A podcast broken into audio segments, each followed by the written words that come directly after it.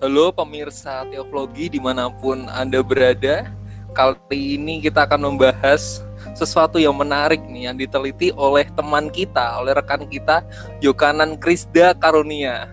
Mungkin Mas Yokanan bisa labaikan diri ke kamera. Tangan. Ya, halo. Halo Mas Yokanan itu. Uh, Mas Yokanan ini kuliah sarjana teologi sains teologi di Universitas Tutawacana sekelas sama saya dan dia meneliti tentang uh, pastoral bunuh diri yang nanti akan kita jauh lebih banyak bahas di percakapan ini. Nah nanti Mas Soyo dan Bang Daniel Siobing bisa langsung nyambung saja seperti biasanya. Mulai langsung aja ya Mas Oka. Pertanyaan pertama, kenapa sih memilih topik ini? Terus apa yang membuat atau membuat Mas Oka tertarik meneliti topik ini? Ya, jadi sebetulnya topik bunuh diri ini kan aku baru tahu naik ketika ada sebuah film. Film judulnya 13 Reasons Why. Itu dari Netflix, bentuknya serial TV jadi ibarat sinetron. Dulu aku pernah nonton itu kan awalnya aku nggak tahu kalau itu uh, jadi cukup kontroversial karena ternyata banyak orang menerima pesan bahwa film itu mengajak orang-orang untuk bunuh diri. Wih, oke. Okay. Sedangkan itu sedangkan itu bukan pesan yang aku rasa aku dapatkan ketika aku nonton. Jadi, jadi mungkin uh, kenapa aku concern ke bunuh diri itu sebenarnya awalnya berawal dari film itu. Hmm. Makanya judul judul skripsiku kan uh, upaya konseling pastoral dalam menangani fenomena bunuh diri. Kajian reflektif dari serial TV 13 Reasons Why. Hmm. Hmm. Jadi awal menarik. Awalnya Jadi, itu uh. hanya hanya dari pertanyaan sederhana kalau kita baca-baca di uh, mungkin dari atau ngobrol tentang psikologi tentang konseling kalau ada yang bunuh diri kemudian dianjurkan ke konselor. Tapi di film ini si tokoh utama yang bunuh diri itu sudah ke konselor tapi tetap bunuh diri. Itu apa yang salah? Sebetulnya hanya berawal dari situ saja. Hmm, hmm, hmm, hmm, hmm. iya iya iya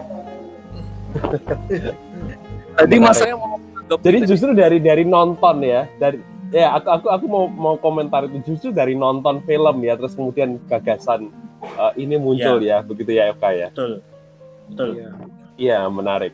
Jadi bukan bukan melihat fenomena adat. Aduh, Aduh. Uh, halo, Mas Soyo.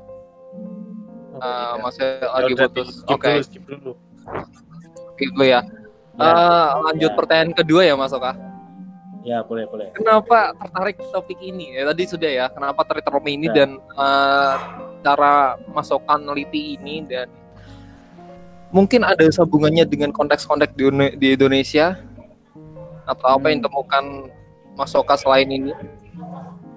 Ya uh, sebetulnya setelah setelah apa kepikiran itu kan meneliti WHO ini ngomong apa sih soal soal bunuh diri hmm. ternyata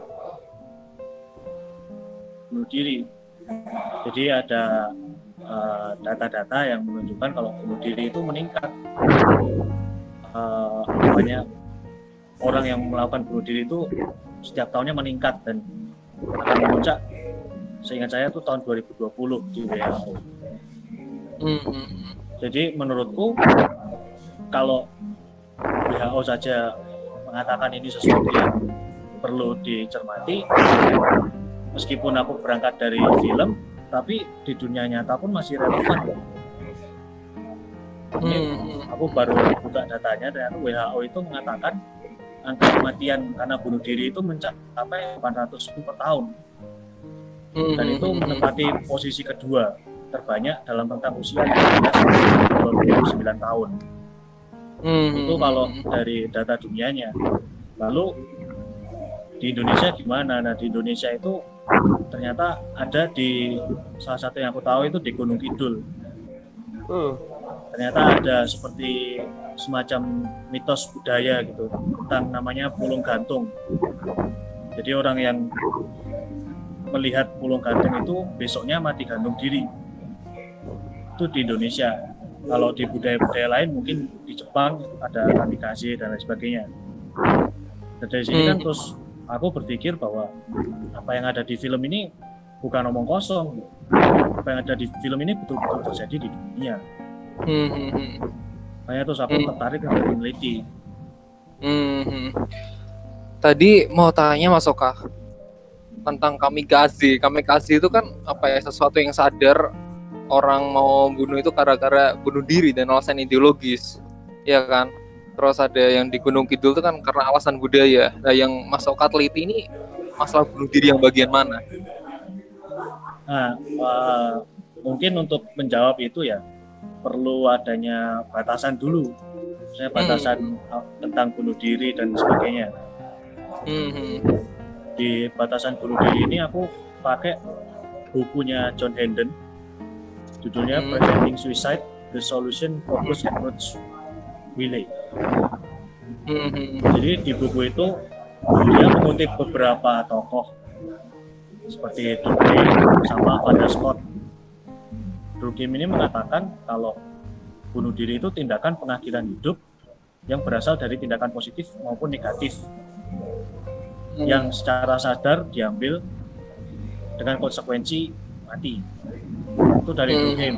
Sedangkan Van der Scott itu mengatakan kalau bunuh diri itu ekspresi puncak dari uh, masalah yang tidak terselesaikan, kemudian melakukan kalau kata ininya bahasa bukunya final destruction. Nah dari situ kemudian John Hendon mengatakan bahwa bunuh diri berarti adalah tindakan yang berujung pada kematian diri sendiri.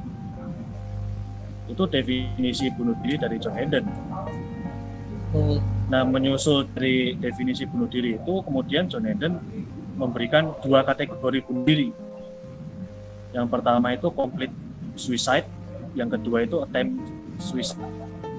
Yang pertama itu dari namanya adalah complete suicide itu berarti orang berhasil melakukan bunuh diri, artinya orang itu mati. Lalu attempt suicide itu adalah orang-orang yang masih berpikir untuk bunuh diri ataupun sudah mencoba percobaan bunuh diri tetapi dengan alasan apa pun gagal. Hmm, hmm. Dua Hmm. dua jenis bunuh diri yang dikatakan sama John Hmm, hmm, hmm, tapi hmm. dengan menggunakan pemikirannya Emil Durkheim. Nah, Hmm. Emil Durkheim ini membedakan bunuh diri ke dalam empat jenis yaitu egoistik, altruistik, anomi, sama fatalistik. Nah, ini Hmm. perlu perlu dijelaskan satu-satu. Atau Boleh, boleh, aja? boleh. Boleh, Ya. boleh, boleh. Mungkin singkat aja. Harus, harus, Eh, harus, harus. Supaya Ya, ya. kami mengerti juga. Ya. Jadi eh, bunuh diri egoistik ini sejauh yang aku tangkap adalah ketika individu itu lebih eh, tinggi daripada sosial. Artinya si individu ini keterikatannya dengan sosial itu sudah lepas. Jadi karena keterikatan sosial itu menghilang, kemudian dia tidak memperdulikan lagi lingkungan sekitarnya. Jadi dia tidak memperdulikan kalau saya bunuh diri dampaknya ke keluarga bagaimana atau dampaknya ke teman bagaimana itu tidak dipikirkan. Itu egoistik. Lalu altruistik itu kebalikannya. Jadi justru karena saking melekatnya dengan sosial yang ada, dengan budaya yang ada, dia malah jadi bunuh diri. Ya contoh besarnya dan mungkin cukup terkenal ya kamikaze itu. Dia Hmm. keterikatannya dengan budaya Jepang kan sangat tinggi. Sampai-sampai dia mau menyerahkan nyawanya untuk negara. Itu altruistik. Oh, yang anomi itu tidak adanya ikatan-ikatan yang dalam tanda kutip mengatur diri seseorang. Mungkin contohnya eh, seperti pekerja yang di PHK karena perusahaannya bangkrut. Dia secara lepas, secara keseluruhan dari regulatif yang selama ini dia rasakan. Tetapi dia masih bingung ke depannya itu mau ngapain.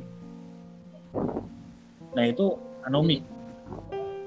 Gimana kebiasaan Hmm. lama itu sudah tidak berlaku, sementara kebiasaan yang baru itu belum terjadi, belum dikembangkan.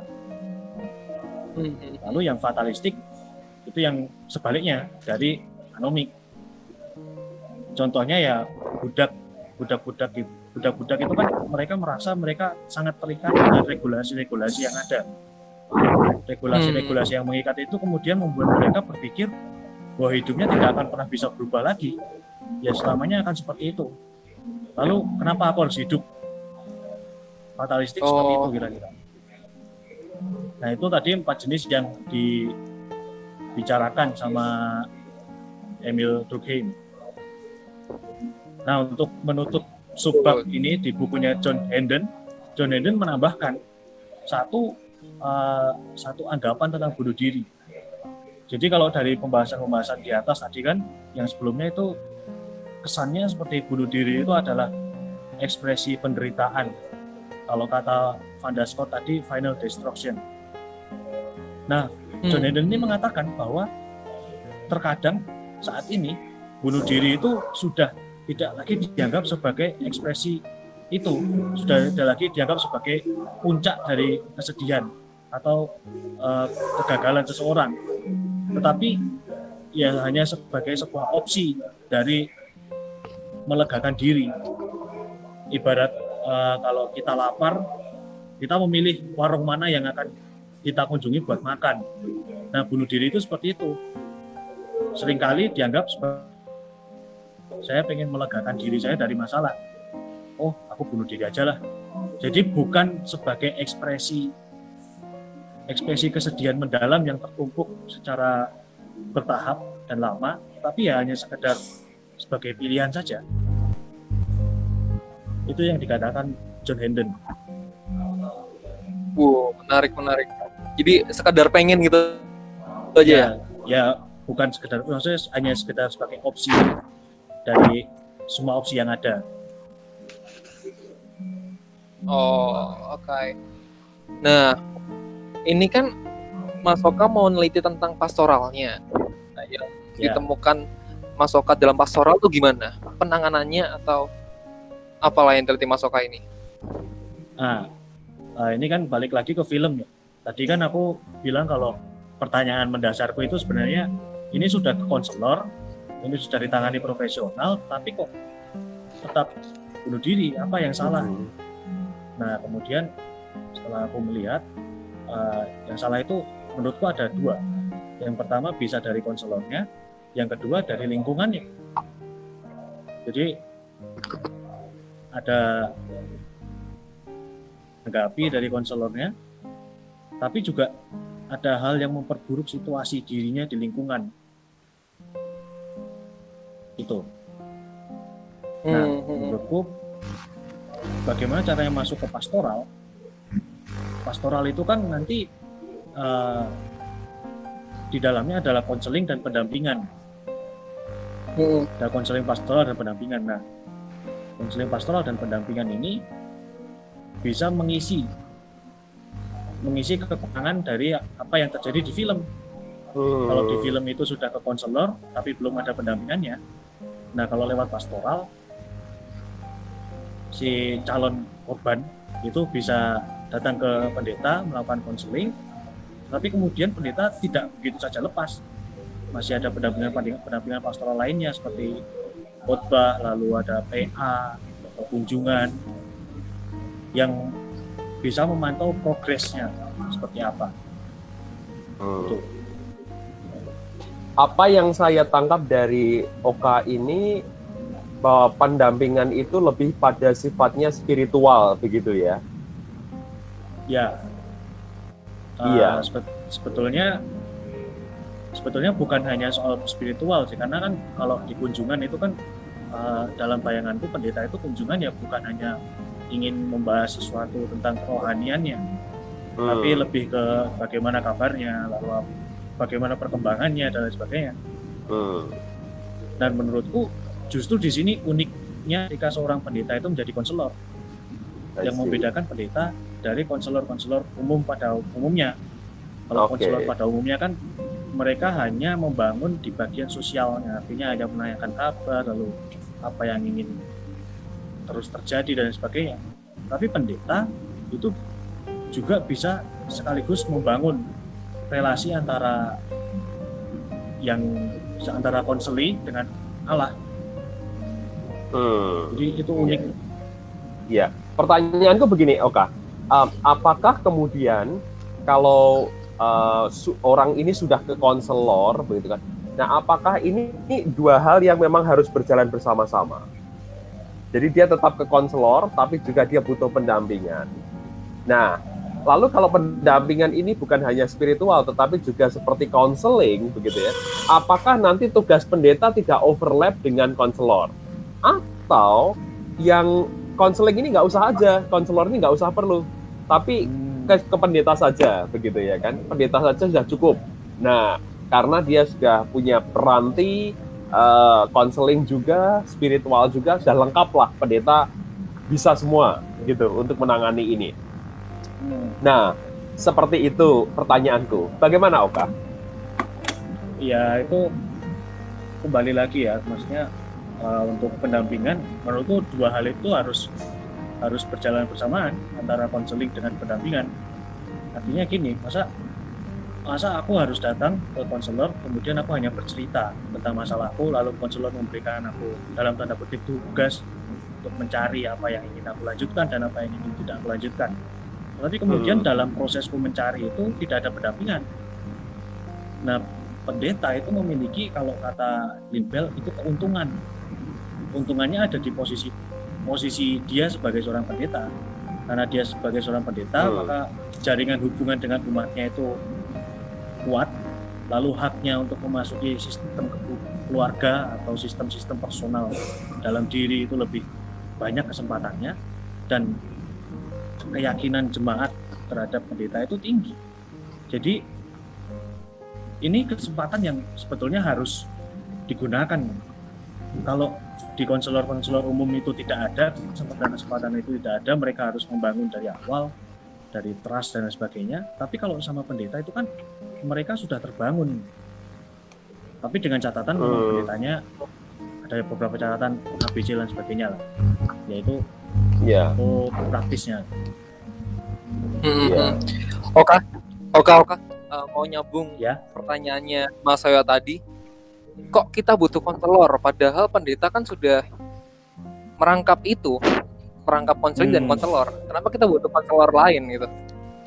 Ya, jadi uh, Linbel itu membagi ada namanya konselor, ada namanya pendampingan, kemudian konseling informal, lalu konseling formal, jangka pendek dan jangka panjang. Nah, pendampingan itu ya seperti biasa kunjungan PA lalu segala macamnya itu. Lalu konseling informal itu mirip dengan pendampingan, hanya saja kenapa kok dia disebut sebagai ada kesadaran dari jemaatnya bahwa dia memiliki masalah dan mau dibantu untuk menyelesaikan permasalahannya. Tetapi tidak terikat dengan setting konselor. Kalau setting konselor itu kan ada di satu ruangan, tatap muka, kemudian bertanya dan berdiskusi soal eh, jam jam jam konselornya, jam konselingnya, misal satu jam, kalau sudah satu jam ya selesai dan sebagainya. Tapi kalau konseling informal itu nggak seperti itu. Konseling informal itu yang penting tempatnya di mana saja, situasinya seperti apa saja, yang jelas jemaat sadar kalau dia punya masalah dan butuh untuk dibantu. Itu konseling informal. Nah kalau konseling formal itu biasanya tindak lanjut dari konseling informal. Jadi setelah terjadi konseling informal kemudian diajak untuk konseling formal di misal di kantor gereja tempatnya pendeta kemudian di situ lebih berbicara lebih dalam lagi lalu kenapa masih butuh konseling di umum konselor umum nah ini kaitannya dengan konseling jangka panjang Jadi perlu diakui bahwa pendeta itu meskipun dia konselor, dia juga memiliki tanggungan-tanggungan yang lain. Misal aja bikin liturgi atau bahan khotbah atau mengunjungi yang lainnya. Itu membuat pendeta itu menjadi konselor yang kalau kata Grimbel tadi unik. Karena Hmm. dia bukan hanya memfokuskan pada satu jemaat, tapi juga semuanya. Itulah kenapa masih butuh konselor umum. Dan lagi pula, di dalam konseling itu kan ada alat-alat alat-alat yang bisa membantu alat-alat yang bisa membantu intervensi nah pendeta itu meskipun dia ya mendapatkan konseling pastoral mata kuliah konseling pastoral tetapi kan tidak semua alat dan tidak semua intervensi itu diberikan jadi jadi rasanya itu hanya setengah-setengah karena kan yang dipelajari oleh pendeta itu kan lebih kepada Allah, lebih pada teologinya. Sedangkan untuk intervensi-intervensi semacam itu kan memerlukan bantuan dari konselor yang umum, yang sekolah di psikologi. Oka. Ya. Tes, tes, tes. Tes. Ya, Pak, Pak. Ya Saya- itu. Mungkin Mbak DS gitu. Iya, iya, ya Oh, menurut masih saya menurut saya menarik Ya, ya, ya, cukup, cukup. diketengahkan Oka ini karena eh, apa namanya? Saya juga baru jadi baru tahu kalau ternyata fenomena bunuh diri itu meningkat gitu ya. Dan menurut saya wajar ya, karena eh, banyak sebetulnya yang bisa membuat eh, secara eksternal itu keadaan dunia itu eh, menurut saya banyak yang bisa menambahkan tekanan batin begitu ya sehingga sampai terpikir untuk bunuh diri.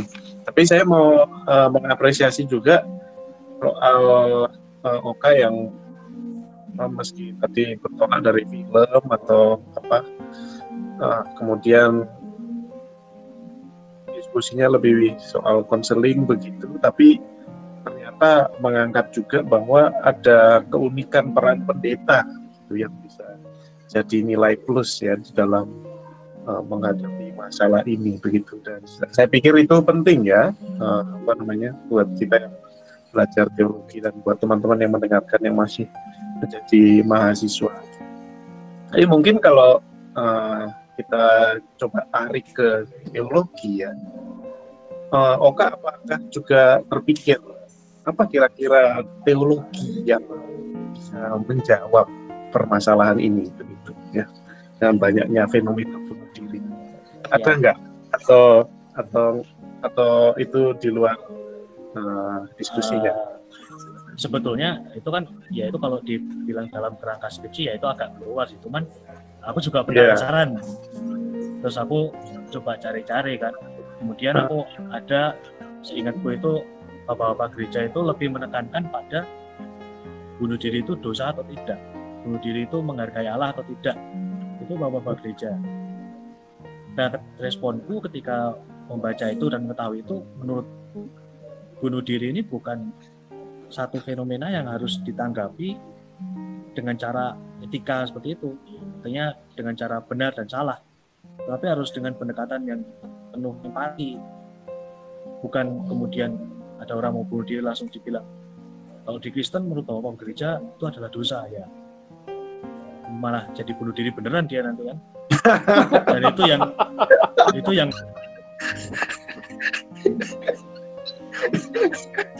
ya, ya. ya Iya. itulah. Oh iya iya tapi kemudian ini ada sesuatu yang cukup menarik sebenarnya jadi dalam rangka aku mencari itu di satu buku bukunya David Switzer Hmm. eh, dia bilang bahwa dalam menanggapi seorang yang mau bunuh diri Hmm. itu perlu rela untuk membahas soal bagaimana relasinya dengan Allah kemudian dia memberikan contoh ada dua contoh Eh, yang pertama mereka yang memiliki pandangan bahwa Allah adalah sosok yang menghukum dan mengatur lewat Alkitab, mereka nggak jadi bunuh diri karena mereka takut dihukum sama Allah nanti di kehidupan selanjutnya. Itu yang pertama. Dan yang kedua, yang menurutku cukup menarik juga adalah bahwa mereka memandang Allah itu sebagai sosok yang pengasih dan pengampun. Jadi meskipun dia nanti bunuh diri, di kehidupan selanjutnya Allah pasti akan memaafkan dan mengerti bagaimana Hmm. situasi dia di dunia. Itu menurutku Nah, mungkin aku minta tanggapannya teman-teman. Kira-kira untuk yang seperti itu tuh gimana? Apa apa apa tanggapan pertama gitu ya ketika mendengar itu? Iya. Ya, Dari kalau- siapa dulu kak? sorry, sorry saya Ya. saya tambah lagi ya. Kalau kalau. Ya ya. Kalau menurut saya eh, apa namanya memang penting ya itu ya untuk teolog apa mendiskusikan bagaimana persepsi teologis kita tentang tindakan bunuh diri begitu. Tapi eh, saya pikir yang juga tidak kalah pentingnya adalah pertanyaan teologis tentang makna kehidupan. Dan di sini kan justru teologi beroperasi ya. Oke, eh, dunia seperti ini, banyak pergumulan seperti ini. Tapi eh, bagaimana seorang manusia bisa memaknai posisinya di tengah-tengah dunia yang seperti itu dan memaknai eh, apa namanya pelakunya dalam kehidupan itu kan sebetulnya apa fungsi fungsi teologi di sana. Gitu. Jadi eh, apa eh, menurut, menurut saya eh, itu menunjukkan bagaimana teologi itu lepas dari permasalahan bunuh diri dosa apa enggak itu ya tapi teologi secara umum itu uh, tetap relevan Hmm. dan itu akan selalu menjadi tantangan teologi ya gimana Betul, betul. menolong seseorang itu untuk memaknai uh, kehidupannya posisinya dalam dunia Betul, betul. Nah sekali lagi saya, saya, saya menanggapi dan setuju dengan dengan hal itu uh, bahwa sebenarnya kekuatan teologi justru bertanya bukan pada keputusan normatif ini benar atau salah, tetapi uh, apa makna hidup dan siapa Allah yang yang dikenal gitu kan? Apa sih artinya Allah kehidupan, Allah yang yang memberikan kehidupan itu apa? Di mana dia ketika ses- seseorang punya masalah. Makanya pertanyaan seputar uh, apakah orang akan bunuh diri atau tidak itu tidak hanya berkisar mengenai masalah teodise, tetapi justru uh, bicara mengenai kehadiran Allah gitu kan, di mana Allah ketika aku punya masalah seperti ini, begitu. Jangan-jangan banyak orang mau bunuh diri itu gara-gara perspektif teologisnya yang salah karena orang-orang memandang kalau teologis itu ya tidak benar atau tidak dan teologis jadi mapan gara-gara itu padahal yang dikat seperti yang dikatakan Mas Wes dan Daniel Siom Mas dan Bang Daniel Siombing tuh teologi itu pencarian makna hidup dan siapa Allah dalam dunia itu sendiri Hmm. Nah. Iya, iya. Nah, Ya, oke. menurutku ala- alasan-alasan semacam itu uh, justru malah menambah poin penting kalau pendeta itu juga harus merangkap sebagai seorang konselor. dan Karena juga apa? teolog Ya, teolog juga. Karena kan apa yang mereka hasilkan, apa yang mereka katakan kepada jemaat dan orang-orang Kristen lainnya itu sangat berpengaruh terhadap keputusan terakhir mereka. Sayangnya di beberapa gereja yang aku tahu kurang concern dalam hal ini. Jadi tentang konseling dan pendampingan itu hanya dipandang sebelah mata. Itu sayang sekali. Nah, tapi begini nih, um, yo uh, Oka, saya bertanyanya Ya. begini. Kalau di luar negeri itu uh, sebelum dia menjadi pendeta itu sertifikasi itu penting, begitu kan? Jadi uh, dia nggak hanya sekolah lalu kemudian lulus, tetapi juga ada praktik dan praktik itu termentori, ada supervisi di situ, begitu bahwa orang ini sudah melakukan sekian jam konseling pastoral lalu memberikan uh, report begitu. Nah itu ada masuk dalam training. Nah sementara kalau nggak salah uh, di Indonesia itu tidak ada yang seperti di sini misalnya CPE gitu. Jadi sebelum pendeta itu bisa ditapis dia harus bisa menunjukkan sertifikasi itu begitu. Nah, apakah dengan demikian uh, Oka mau menyarankan bahwa pendeta pun perlu sertifikasi seperti itu atau ya sudah pokoknya dalam training uh, sarjana misalnya atau magister divinitas begitu itu sudah cukup. Nah, menurutku sih penting ya itu karena itu tuh sesuatu yang mau nggak mau akan dihadapi pendeta di gereja. Uh, Clean Bell itu di bukunya memberikan apa seperti penelitian dalam konteks Amerika. Jadi 39% dari orang-orang di sana yang mencari dan meminta bantuan profesional untuk permasalahan pribadi maupun keluarga itu bukan pergi ke pendeta konsul, aku bukan pergi ke konselor umum, tetapi justru datang ke pendeta. Sedangkan untuk grup yang berhubungan dengan kematian itu juga 54 persennya menyatakan telah pergi ke pendeta. Dari data yang dikasih Limbel ini kan menunjukkan betapa vitalnya peran seorang pendeta di dalam masyarakat. Jadi kalau semisal nanti kemudian lulus dan tidak ada yang tadi sertifikat itu, menurutku ya kurang aja. Sebaiknya sih ada. Mm-mm.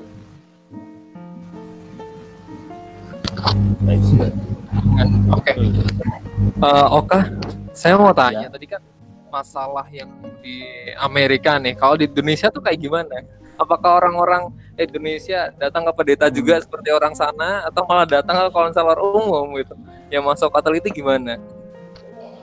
Uh, mungkin lebih tepatnya bukan yang aku teliti ya, tapi yang aku tahu. Karena aku kan bukan meneliti gerejanya tapi film. Mhm. Yang aku tahu, uh, ke, kalau dari datanya Green Bell ini kan aku menangkap bahwa pendeta itu sebagai seorang uh, sosok sahabat yang menemani jemaatnya. Tapi kalau di gereja-gereja yang aku tahu, jemaat itu memandang pendeta itu mungkin ibarat tangan kanan Allah. Jadi kalau kayak di sekolah-sekolah dulu, pendeta itu BK. Jadi kalau ada satu jemaat yang datang ke kantor BK, yang lainnya itu pasti ngomongin itu kena masalah apa, itu salah apa dia sama Hmm. sekolah. Jadi itu yang itu yang sepertinya jadi pandangan orang-orang Kristen pada pendeta di Indonesia. Sepertinya ya, bukan bukan memastikan tapi sepertinya. Kasihan dong pendeta. Jemaatnya Kasihan. Kasihan dong pendeta nggak ada yang ngajak ngobrol dong.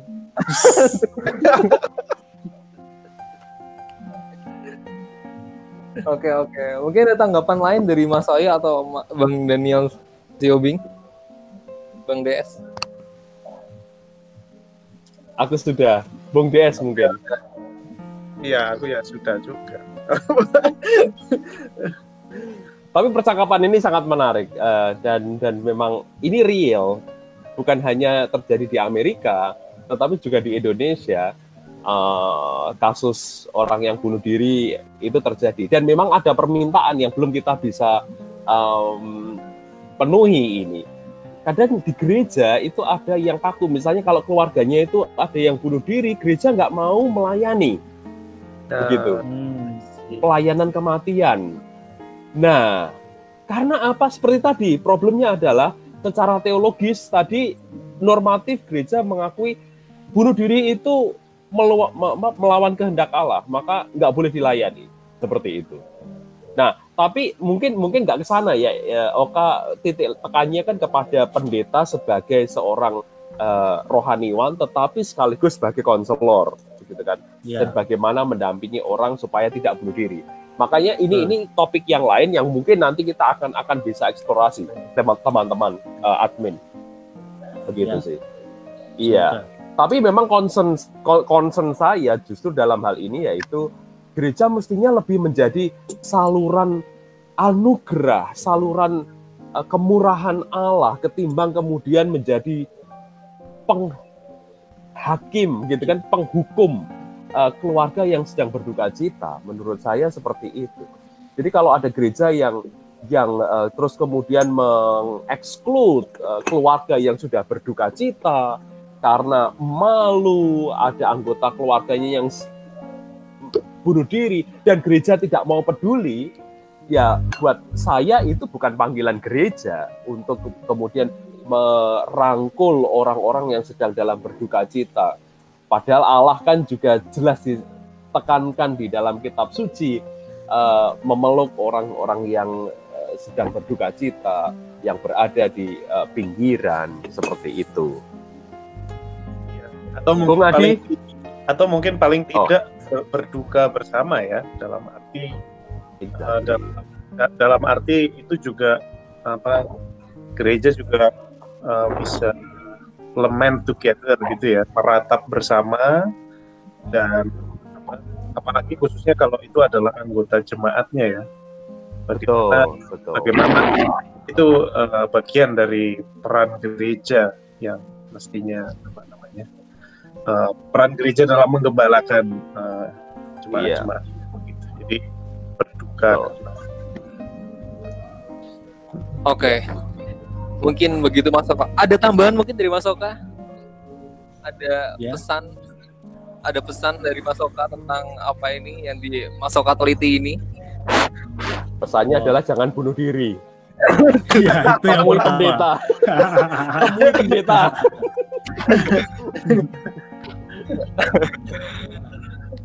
ada ya, kan? ya, uh, mungkin lebih ke uh, mungkin dari tadi aku seperti menekankan ke pendeta ya maksudnya kalau ada yang pengen budi datanya ke pendeta tapi mungkin lebih ke jangan dilupakan ada aspek pendampingan. Dan pendampingan ini juga bukan hanya bisa dilakukan oleh pendeta tapi juga teman-teman yang lain jemaat-jemaat. Yeah pertama-tama ya jadi peka dulu. Menanggapi sesuatu yang berbau dengan bunuh diri itu dengan bercanda karena itu bukan sesuatu yang yang omong kosong itu betul-betul itu bicara nyawa orang gitu. Jadi mungkin langkah pertama adalah menjadi peka terhadap sekitar. Kalau memang sekitar sedang ada orang-orang yang sedang merasa uh, sangat kecewa atau putus temani diajak ngobrol nanti kalau sudah merasa tidak tahu lagi untuk melakukan intervensi apa barulah bisa minta tolong ke pendeta atau ke konselor yang umum gitu Ya, ini sangat penting. Betul, betul, betul. Terima kasih titik tekan ini bahwa bunuh diri itu tidak bercanda, gitu ya. Itu sangat ya. penting. Ya. Terima kasih, Oka. Uh-uh.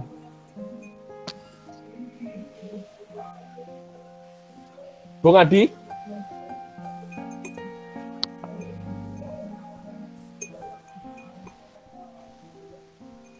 Silakan Bung Adi.